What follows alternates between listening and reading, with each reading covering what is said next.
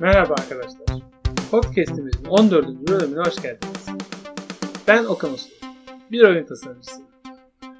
Bu bölümümüzde Cappuccino ekibinden tanıdığımız Gökhan Kılca ile oyun ekibi kurmak ve oyun sektöründe gelişmek üzerine konuşacağız. Şimdiden iyi seyirler. Ee, tekrardan Tamam. hoş geldiniz. Hoş bulduk. Ee, teklifimi kabul ettiğiniz için tekrar teşekkür ederim. Ben teşekkür ederim böyle bir teklifi bana ilettiğin için. Severek takip ettiğim yayınlarda gerçekten de onore oldum. Teşekkür ediyorum tekrardan. teşekkür ederim. Ee, katılanlara sorduğum klasik bir soruyla başlamak istiyorum. Gökhan Kılcı kimdir? Gökhan Kılcı kimdir? Çok güzel bir soru. Gökhan Kılcı 1987 doğumlu bilgisayar mühendisliğinden mezun. Ama aslen tamamen böyle oyun delisi, oyun meraklısı. Ciddi yatırım yapar. Hala yani deli gibi oyun oynamaya devam eden bir insandır. Bunun yani en şeyi evet game designer olaraktan bir title kalıbı koysak da genel olaraktan yazılımın aslında her tarafıyla ilgileniyorum. Şu anda oyun sektöründe yazılım yapmıyorum çünkü tamamen dizayna odaklandım. Ama boş zamanlarımda yine e, yapay öğrenme olsun. E, biraz daha böyle oyun içi e, özel geliştirmeler, mekanikler olsun.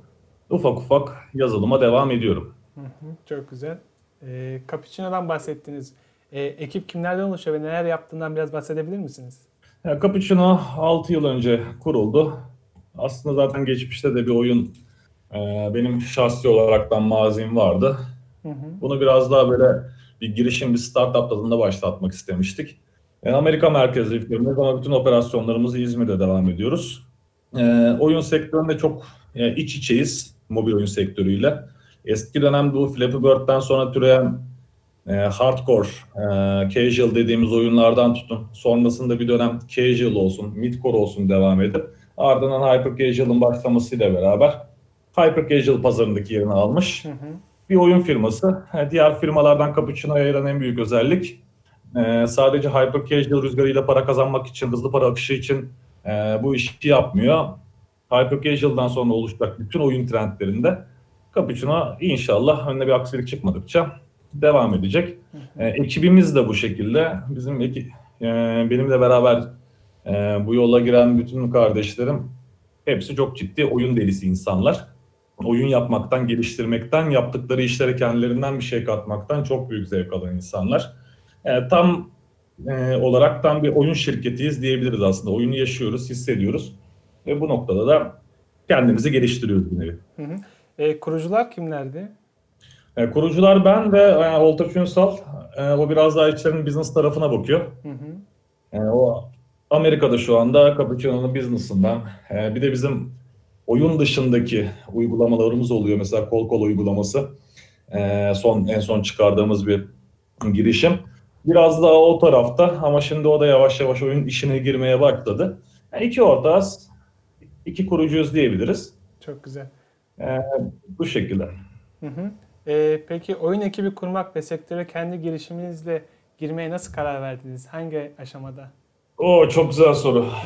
Şöyle aşamada söyleyeyim. Ben lisede normalde mimarlık yazacak yazmıştım bütün üniversite şey, tercihlerimi. Yani bir gece öncesinde Grim Fandango'yu oynadım. LucasArts Tim Schafer'ın oyunu. Sabah kalktım dedim ben oyun yapacağım dedim. Bütün tercihlerimi değiştirdim. Hepsini bilgisayar mühendisliği yaptım. O noktadan sonra hakikaten bilgisayar mühendisliği kazandım. Ee, devam ettim. Ee, çok şeydim zaten. Ne derler? Bu konuda çok ısrarcıydım, inatçıydım. Ufak tefek projelere başladım.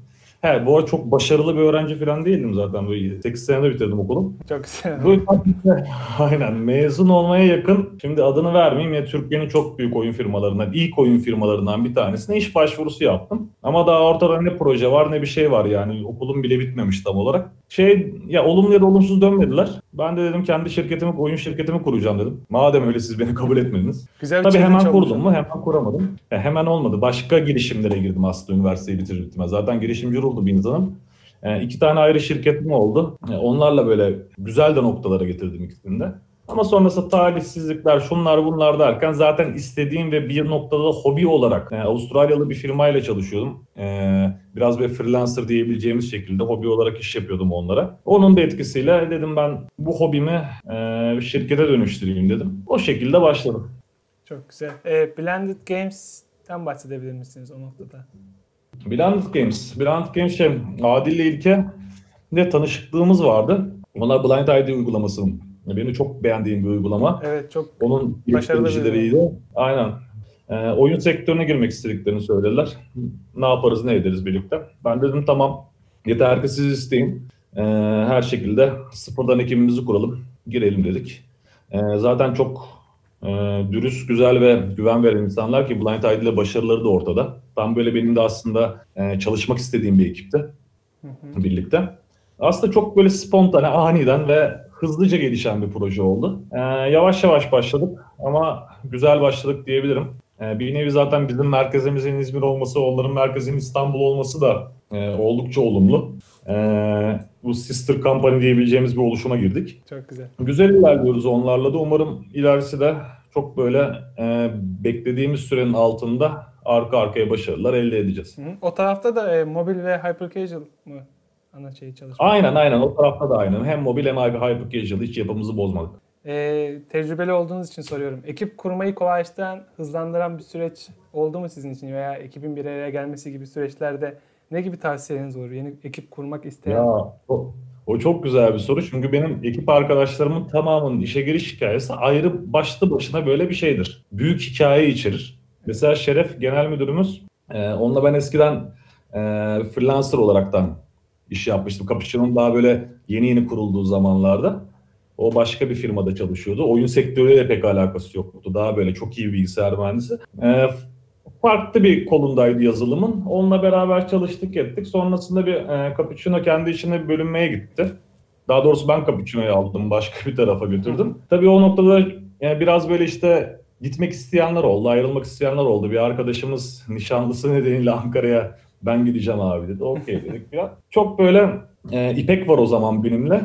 E, mesela Şerif'in gelmesi tamamen şeydi. Şerif'i aradım ben. Oğlum dedim bana acil yazılımcı lazım. Geliyorsun dedim çalışıyorsun. Ya dedi çalışmak istemiyorum abi ben dedi. Böyle hayat çok güzel çalışmadan falan filan carçurt. bir hafta sonra aradı abi dedi geliyorum ben dedi. Tabii biz o bir haftada kaç tane yazılımcı geldi gitti bize. Kabul etmedik. Şeref gelince tabii biz İpek'le bir anda böyle ho ha falan halaylar malaylar. Çok böyle sevinmiştik. Mesela onun hikayesi ayrıdır. İpek'in giriş hikayesi çok ayrıdır. Yani işin özü e, biz aslında biraz daha böyle e, yetenekten ziyade başka konulara öncelik veriyoruz. Ya benim için önemli olan bir şey vardır. Gerçekten de Cappuccino ekibi şu anda kardeş gibi. Hem bana bağlılıkları hem birbirlerine bağlılıkları. Bu yapıyı bozmayacak arkadaşları almak istiyoruz. Yoksa ben şimdiye kadar yüzlerce e, iş başvurusu aldım. Çok çok yetenekli böyle über seviyede insanlar da vardı. Ama onlarla değil, gerekirse daha alt seviyede arkadaşlarla devam etmek istedim. Çünkü aile olmak çok zor bir şey. Evet ekip olabilirsin, İyi bir şirket olabilirsin, dakik çalışan bir şirket olabilirsin ama o aile yapısını sağlayamadıktan sonra e, bu noktaya çok zor gelirsin. Bizim öncelikli amacımız hep buydu. Bundan sonra da böyle olacak. Bunun gibi ayrı bir hikayesi var, giriş hikayesi. E, yani bu şekilde aslında ya. Biraz şey, yeteneklerinden ziyade bizim kafamıza uyacak mı? Konuşabiliyor muyuz? Hobileri neler? Bunlara daha böyle ağırlık veriyoruz. Hı. Yani biraz daha e, network'ü geniş tutarak aslında çevrede insanları topladıkça bir araya geliniyor bir şekilde. Ya tabii ki geliniyor ve şey çok böyle ilk başlarda bize gelip de e, içine kapanık olan arkadaşlar da atıyorum bir aydan sonra bizim gibi çılgı, çıldırmaya başlıyor. Ee, inanılmaz adapte oluyorlar ve o işte o birleşmeyi çok kolay şekilde sağlayabiliyorlar. Ee, biz zaten yani en başında da zaten Cappuccino kurulurken de bu noktaya gelirken de benim amacım buydu. Bundan sonraki e, olayım da o. Ben bir şirket kurmak hiçbir şekilde istemedim. Ben bir aile oluşturmak istedim. Ve çok şükür yani bu noktaya kadar güzel bir aile olarak geldi. Çok güzel.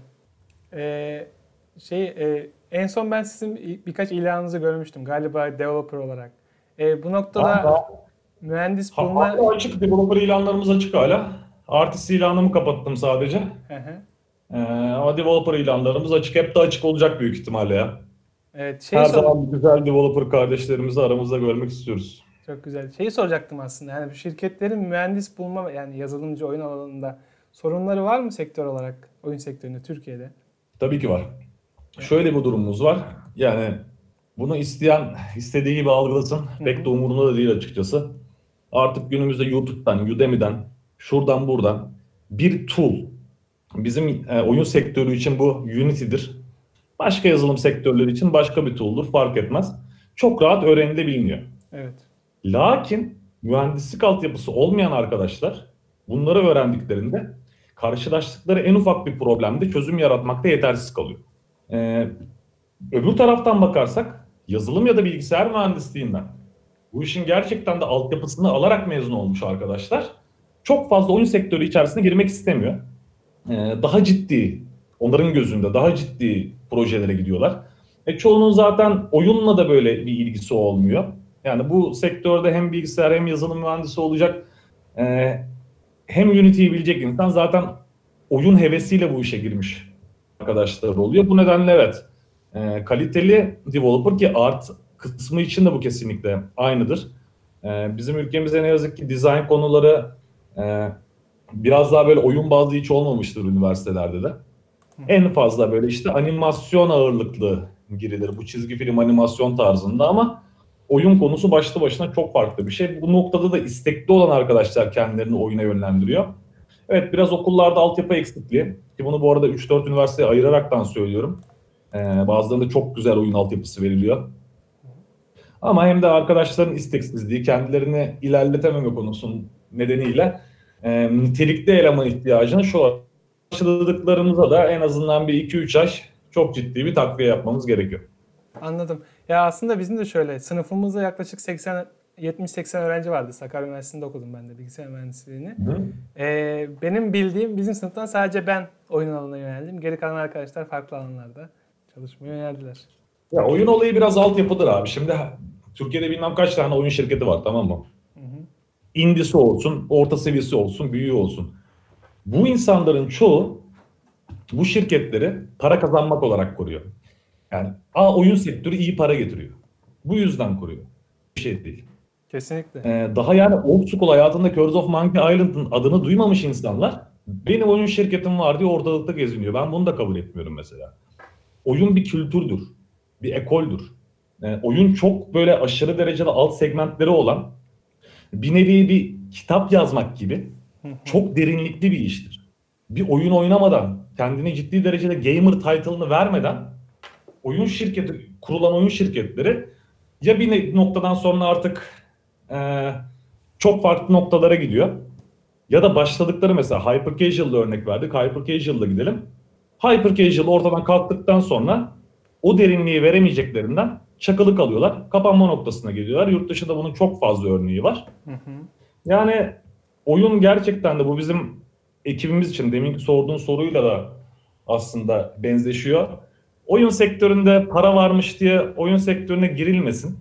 Yazılımcı arkadaşlarımız için de, e, artist arkadaşlarımız için de bu geçerli. Gerçekten içinizde oyun e, aşkı varsa, güncel olarak çok ciddi şekilde oyun oynuyorsanız, oyunun ne olduğunu biliyorsanız bu şekilde girin. Yoksa e, barınmanız da zor olacak diye bir mesaj vereyim. Herkes yani paradan ziyade kendi gönlünden geçen işi yapsın. Peki bu oyun kültürü sonradan kazanılabilir mi? Tabii ki kazanılır. Niye kazanılmasın ki? Evet. Başlarsın oyun oynamaya. Old school oyunları da indirirsin. Oynarsın. Zamanında nasıl yapılmış bu işler? Ne olmuş, ne bitmiş? Ee, devam edersin. Artık bunu bir business olarak değil, hobi olarak görmeye başlarsın. Mobilden çıkarsın, Steam'den oyun indirmeye başlarsın. Gidersin abi yaşın kaç olursa olsun alırsın e, bir tane konsolunu. Tam böyle e, eşinin prime time'da dizi izlediğin açarsın abi konsolu oynamaya başlarsın. O zaman çok iyi gamer olursun ya. Kesinlikle. Ee, size başvurmak isteyenler nasıl başvurabilir? Onlara ne gibi süreçler bekliyor? Biraz bundan bahsedebilir misiniz? Yazılımcı veya Vallahi, artist. Her şey bir maille ya da LinkedIn'dan bana ya da Şeref'e ulaşmakla başlıyor. Hı hı. Sonra ya yazılım kısmı ayrı, art kısmı ayrı ama ikisi için de bir assignment veriyoruz. E, bu assignment'lar bize olumlu gelirse bir birebir tanımaya alıyoruz arkadaşları. Birebir tanımada olumlu geçerse hemen başlatıyoruz. Çok güzel. Ee, Çok net aslında bizim şeyimiz yani. Bir assignment, ikincisi birebir muhabbet. Çok iyi. E, oyun geliştirme süreci insanların e, daha çok işte oyun oynamak kadar basit sandığı bir gün e, süreç yaşıyoruz. Yani çok basit görülüyor. Çünkü adam diyor ki ben oyun oynuyorum, yapabilirim de. E, bir oyunun markete koyulana kadar geçtiği süre zarfında hangi adımlardan geçiyor bir oyun? Baştan sona düşünürsek. Valla bu her tür yani her tarzdaki oyun için çok farklı steplerde ilerliyor. Ben biraz daha böyle e, genel olaraktan bir cevap vermek istiyorum sana. Çünkü hepsinin e, base yapıları vardır. Bu yapılar değişmez. Hı hı. Birincisi core gameplay'dir. E, oyun ne olacaksa, tarzı ne olacaksa hiç fark etmez. Oynanabilirlik dediğimiz kısmın pürüzsüz işlemesi lazım. E, bu konuda zaten üzerinde yani çok ciddi testler yapılan ve ilk dediğimiz bizim P1 olaraktan adlandırdığımız, adlandırdığımız kısım kesinlikle bu core mekaniğin e, müthiş şekilde işlemesi. Bu tamamen artık yazılımcıların e, çeşitli algoritmaları kullanarak dizayn ettikleri bir şey oluyor. Buradaki amaç oyunu oynayacak insana çok rahat bir deneyim yaşatmak. Hı hı. Tabii ki bu rahat deneyimi yaşatırken de altı o kadar kolay değil. Gerçekten de oraya çok ciddi bir emek verilmesi lazım. İkinci kısmımız e, bu gameplay elementini destekleyecek. Oyuncuyu boğmayacak, oyuncuyu gerçekten de oyunun içerisinde hissettirecek art kısımları.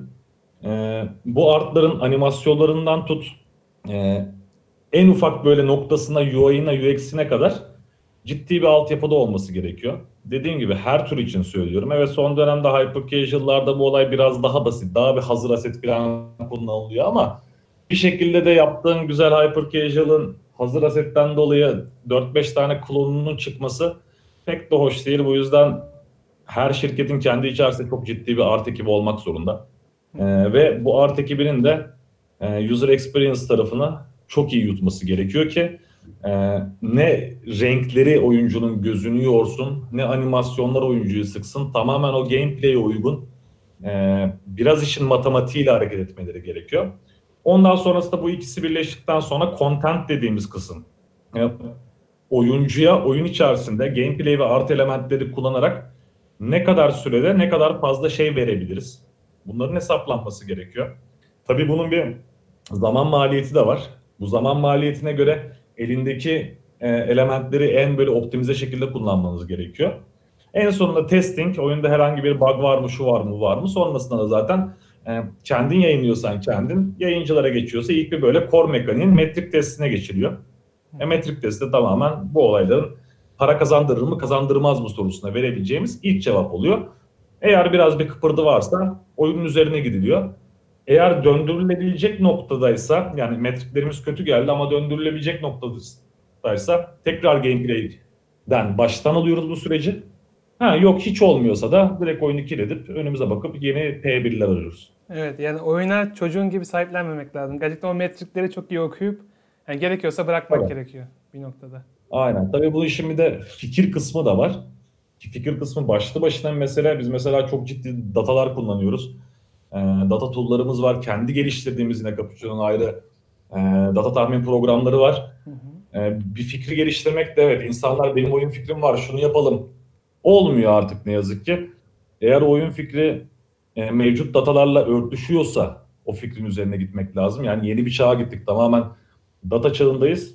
Ee, bu nedenle o oyun fikrinin gelişmesi ve e, zamanlama süresini çok iyi ayarlamak da artık en önemli kurallarımızdan bir tanesi. Evet fikir aşamasındayken hangi datalara bakıyorsunuz böyle temel birkaç tane sayabilir misiniz? Ha, Hypercasual çok net 3 tane dataya dayanır. Birincisi CPI'dir zaten. İlk oyunun e, cost per install dediğimiz kaç paraya satıyoruz biz bir tane oyunu. Hı hı. İkincisi retention'dır. Oyuncuyu ne kadar kaç gün boyunca oyunda tutabiliyoruz. Bugün oyunu indiren insan biraz oynadıktan sonra ertesi gün oyunu oynamak istiyor mu istemiyor mu? Sonrasında da bir oyuncu e, playtime dediğimiz olay ne kadar süre bu oyunu oynuyor. İlk etapta, ilk prototip aşamasında bu üç tane zaten az çok oyunda ilerle ya da ilerlemeyin cevabını verebiliyor. Baktık bu metrikleri o zaman zaten artık işin içine monetization giriyor. Ee, ve tamamen e, lifetime value'nun hesaplanmasını oluşturan kıstaslarımız oluyor. Ama ilk bunun, onlar da biraz zaten e, CPI retention ve playtime ile alakalı. Bu noktada işte reklamları oyuncuya e, ne kadar sürede gösterebiliyorsun? Bir rewarded videoyu oyuncu isteyerek mi izliyor? Böyle bir gameplay sundun mu bu sen oyuncuya? Ki rewarded videoyu izleyerek istesin. Orada verdiğin currency'yi ya da ödülü isteyerek alsın. Bu tarz şeylere çalışılıyor. Ama yani ana etapta bütün yayıncıların da baktığı gibi e, CPI ve retention'dır aslında özümüz. Yani bir, bir projeyi kiredelim mi yoksa devam edelim mi cevabı bu iki metrik arasında gidiyor. Hı hı. Ee, şey de merak ediyorum. Bütün bu oyun geliştirme süreci boyunca e, oyun tasarımcısı ne yapıyor? Ne gibi görevler alıyor? Ve oyun tasarımcısının nedir? Biraz açabilir miyiz? Abi oyun tasarımcısı ne gibi olarak. görevleri? Oyun tasarımcısı en başından en sonuna kadar önce projeyi gözünde canlandırmak ilk eee, hedefi bu olmalı. Bu canlandırdığı oyunun e, elindeki datalarla örtüşüp CPI'nin düşük gelebileceğini, retention'ın yüksek gelebileceğini bir ön tahminleme yapmak zorunda.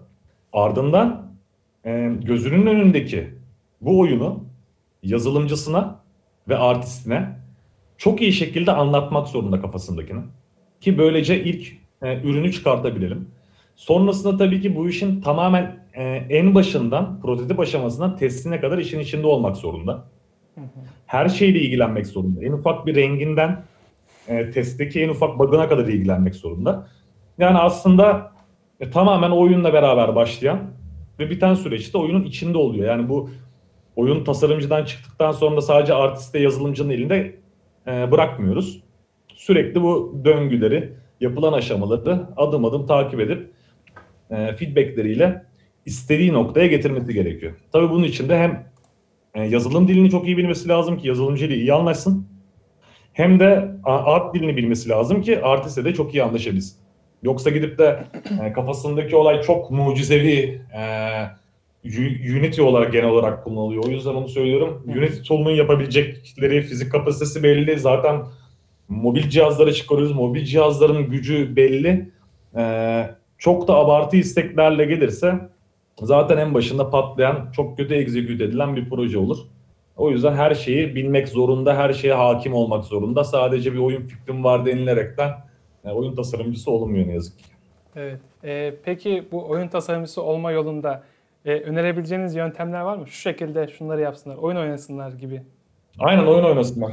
Bol bol oyun oynasınlar. Eskiden annelerimiz, babalarımız bize derdi çok oyun oynama diye. Ama artık iş değişti. Ee, çok iyi bir oyun tasarımcısı olmak istiyorlarsa hangi e, alt oyun dalında, mobil oyun mu yapmak istiyorlar? Hyper casual mı, casual mı, midcore mu ya da Steam oyunu mu, konsol oyunu mu hiç fark etmez. Oyunları oynayıp oyunların bir gameplay olaraktan, iki art olaraktan artılarını, eksilerini bir SWOT analiziymiş gibi e, not almaları lazım. Bir 10-15 tane oyunu oynadı. Sıfırdan başlayan birisi için söylüyoruz. Bence burası böyle, şurası şöyle. Bence burası böyle, şurası şöyle. Hı hı. Bir 15 oyunu oynadıktan sonra aynı 10-15 oyunu oyun sektöründe olmayan ama oyunlarla ilgilenen bir tane arkadaşına sunabilirler.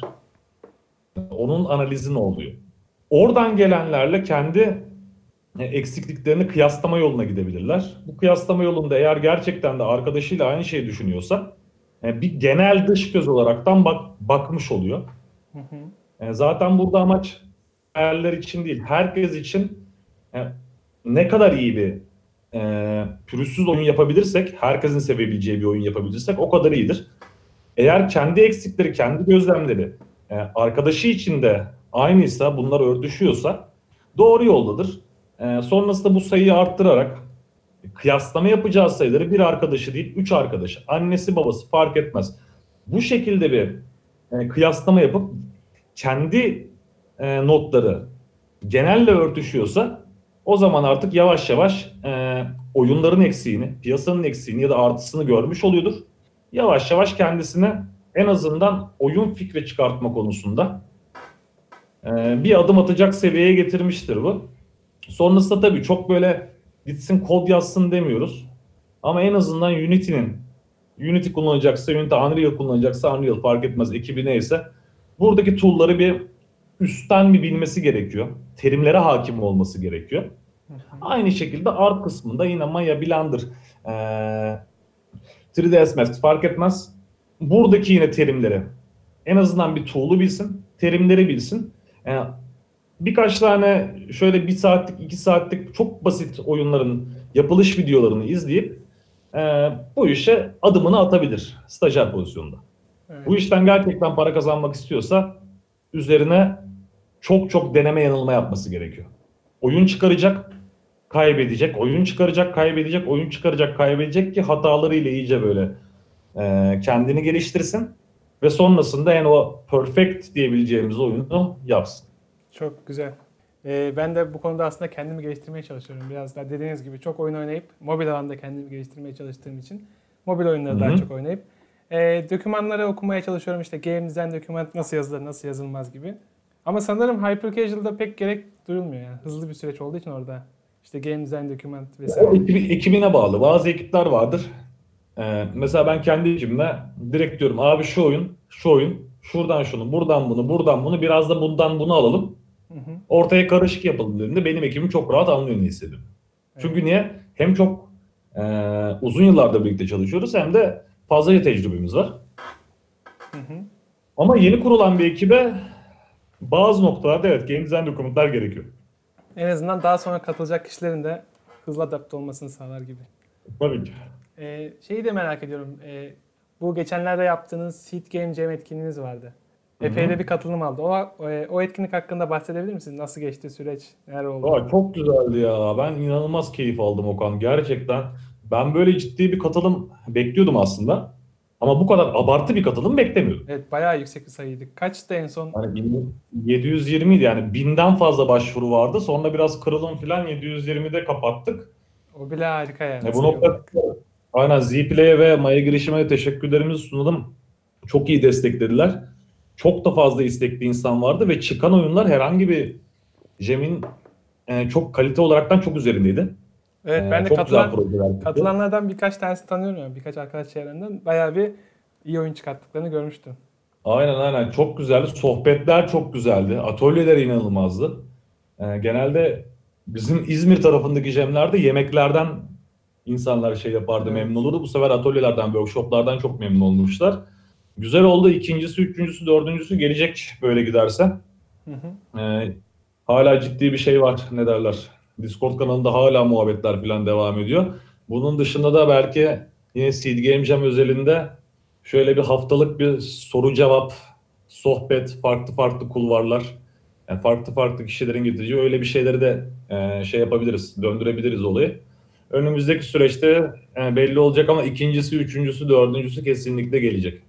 Çok güzel. Katılımlarda genel olarak Türkiye'nin bütün şeylerinden vardı galiba. Katılan arkadaşlar. Aynı Seed Game Jam'i yaparken amacımız İzmir'di. Ee, İzmir'in gelişmesiydi. Ama diğer şehirlere de okey dedik. Hiç sorun değil dedik. Her yerden bir güzel bir katılım geldi.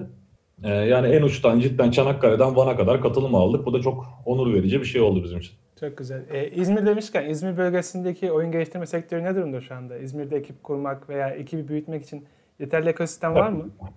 İzmir'de zaten oturmuş firmalar var. Yani e, Masama var, Ruby var, biz Evet. varız.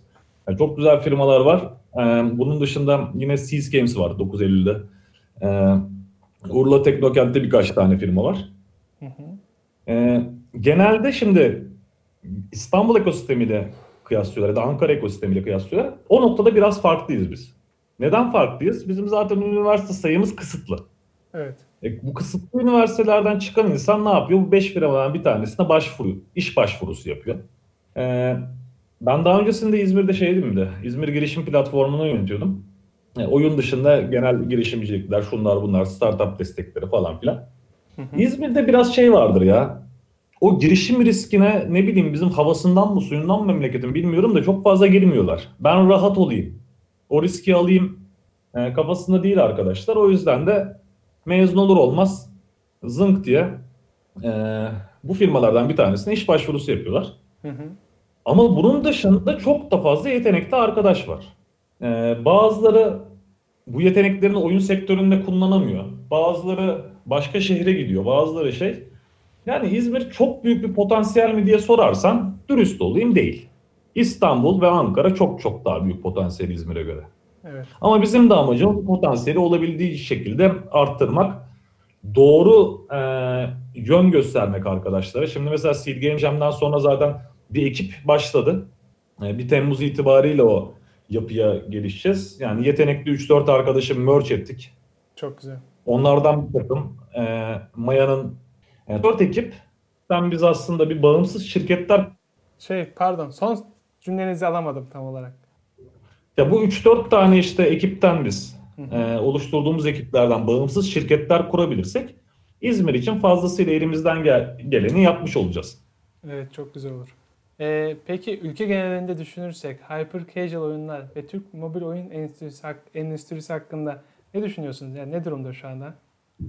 Valla iki senede inanılmaz bir aşama kat ettik biz. E, oyun sektörü olmasa da hyper casual genelinde. Hı hı. Çünkü biliyorsunuz bizim e, Türk toplumu parayı güzel koklar. Aldık O okuyu. yüzden de para, ner- para nereden hızlı akıyorsa zınk diye hyper casual. O bu işte para varmış. Hadi hemen biz de yayıncı olalım kafasına girerler. O zamanlarda. Ee, bana göre doğru bir yaklaşım bu. Demin söyledim. Gamer değilsen git başka işte uğraş. İnşaatına devam et. Tekstiline devam et. Seninle alakası olmayan sektörlerden uzaklaş. Çünkü e, çok ciddi bir şey değil bu. Ne derler? Kendileri için yani çok böyle uzun soluklu buralarda kalabilecekleri olaylar değil. Zaten yavaş yavaş 3-4 tanesi de bunun farkına vardı. Geri çekilmeye başladılar. Ama bunun dışında inanılmaz büyük firmalarımız da var. Bunlar gerçekten de oyun e, bazlı gelen firmalar. E, zaten Good Job Games en başta. Kesinlikle. Grand Game e, inanılmaz bir zaten çıkış yaptı etti en öncülerden. de. Peak Games zaten başarısı e, çok iyi bir başarıya sahip bir firma. Bunun dışında Ankara'da yine e, firmalar var. İzmir'de Ruby Games çok güzel başarılar elde etti. Yani bu firmaların e, Masamo zaten Masamo'yu saymıyoruz bile artık. E, çok kuvvetlendiler. E, bu firmalar zaten e, başarılarını kıyas şey yapmış ne derler perçinlemiş üzerine koyan ama oyunla kalkan oy- oyunla yatan oyunla kalkan firmalar diyebiliriz. Ama bunun dışında işte e, oyunu özellikle hyper casual bazında ne derler para olarak gören e, firmalar var. E, mesela şöyle örnek vereyim işte Blunt Games dedik ya Hı hı. e, eleman ilanlarına falan bakıyoruz yani insanlar nasıl ilanlar veriyor diyor İstanbul özelinde. Abi adam petrol firması var Unity Developer arıyor falan şok olmuştum. E, tabii ki bunlar abi sektöre girsin etsin eyvallah ama yani oyun sektörünü ne kadar geliştirebilecek? Yani oyun sadece para bazlı bir e, yapı olmamalı. Ben oyun sektörüne için bir şirket açacağım. Ama niye? Kısa dönemde çok para kazanırım mantığının olmaması gerekiyor bence başka bir dünya. Evet yani oyun oyunu severek yapmadığınız sürece başkalarına sevdirmek çok zor oluyor. O kesin haklısınız. Ya tabii ki yani yanıma alayım yani altıma vereyim işte 2-3 tane yetenekli adam oh bunlar bir tane oyun yapsın %15 cebe koyayım hoppa yürüyeyim komisyonculuğu bile girdi yani öyle bir durumdayız şu anda. Ama yani bu balon patlar mı? Tabii ki patlayacak. Çünkü altyapısı olmayan firmalar abi hyper casual ne kadar devam eder? 2 sene devam etsin. O üçüncü sene döndüğünde oyun sektörü, yani oyun trendleri çok başka noktaya girdiğinde o zaman bunlar da ellerindekiyle kalacak. Zaten artık yani çakılmak üzere şu anda Türkiye'de. Kesinlikle. Ee, başarılarını kanıtlamış şirketlere de baktığımızda gelirlerinin yüksek bir miktarını ülke dışından yapıyorlar. Ee, bunun temel sebepleri nedir? Yani neden daha çok yurt dışında bir satış var, bir oyun, oyun içi alım var? Ya biz biraz bu tarz şeyleri biliyorsun geriden takip ediyoruz ya. Yani Amerika, Çin bu pazarlar yani çok çok daha yüksek pazarlar. Reklam firmalarının da aynı şekilde çok yüksek ücretler ödediği pazarları olunca yani Türkiye'de ne oldu? Evet Türkiye'de bir kendine oyun oynayan eee, ben oyun oynuyorum diyen bir kitle var. Hı hı. Ama bizde abi kaç kişi bir oyuna para harcıyordur mesela. Geçen bak Sil Game Jam'de de çok basit bir anket yaptım. Katılanlardan %10'u kendi oynadığı bir oyuna para harcıyorlardı.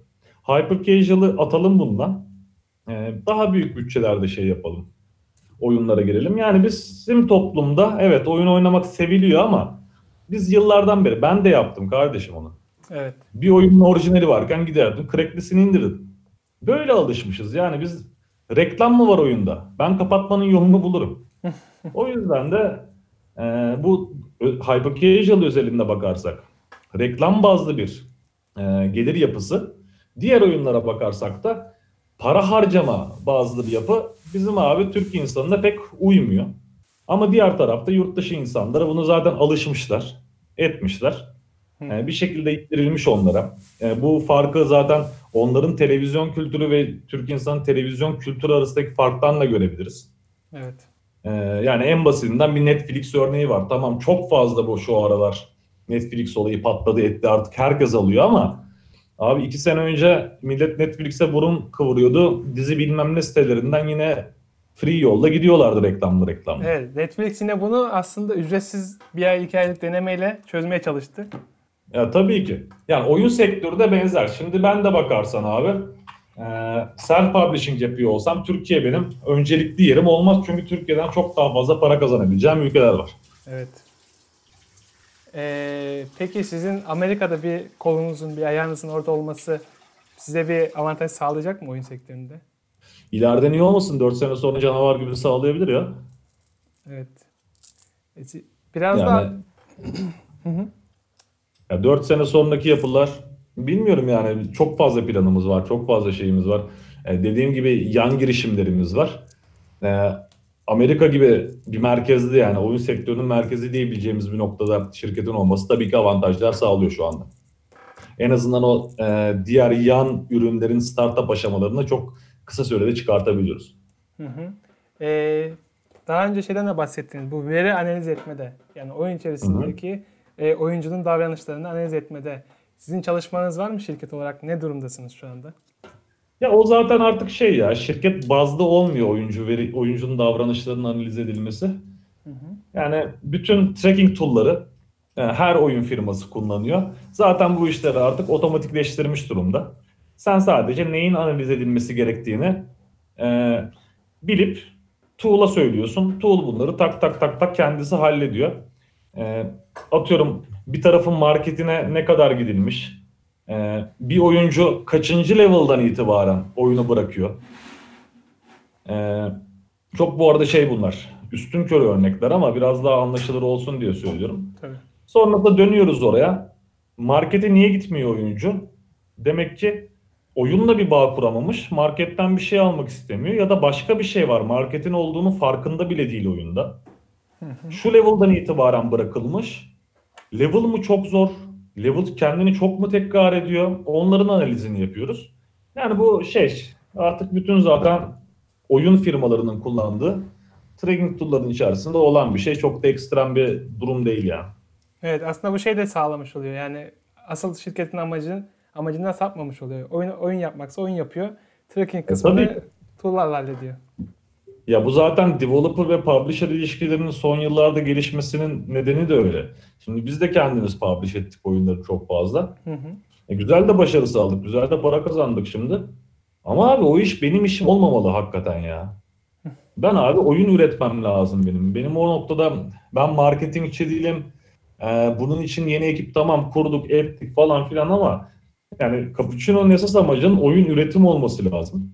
E, Publisher'da evet o tracking olayları, e, oyuncuların davranışlarını analiz etme, monetization kısmı tamamen onunla ilgisi olması olması lazım ki herkes çok verimli şekilde çalışabilsin. Yoksa ben aa oyuna burada reward koyalım. Abi sen oyunun CPI'ni düşürememişsin. Bunu bunu düş yapalım. CPI'yi düşürelim.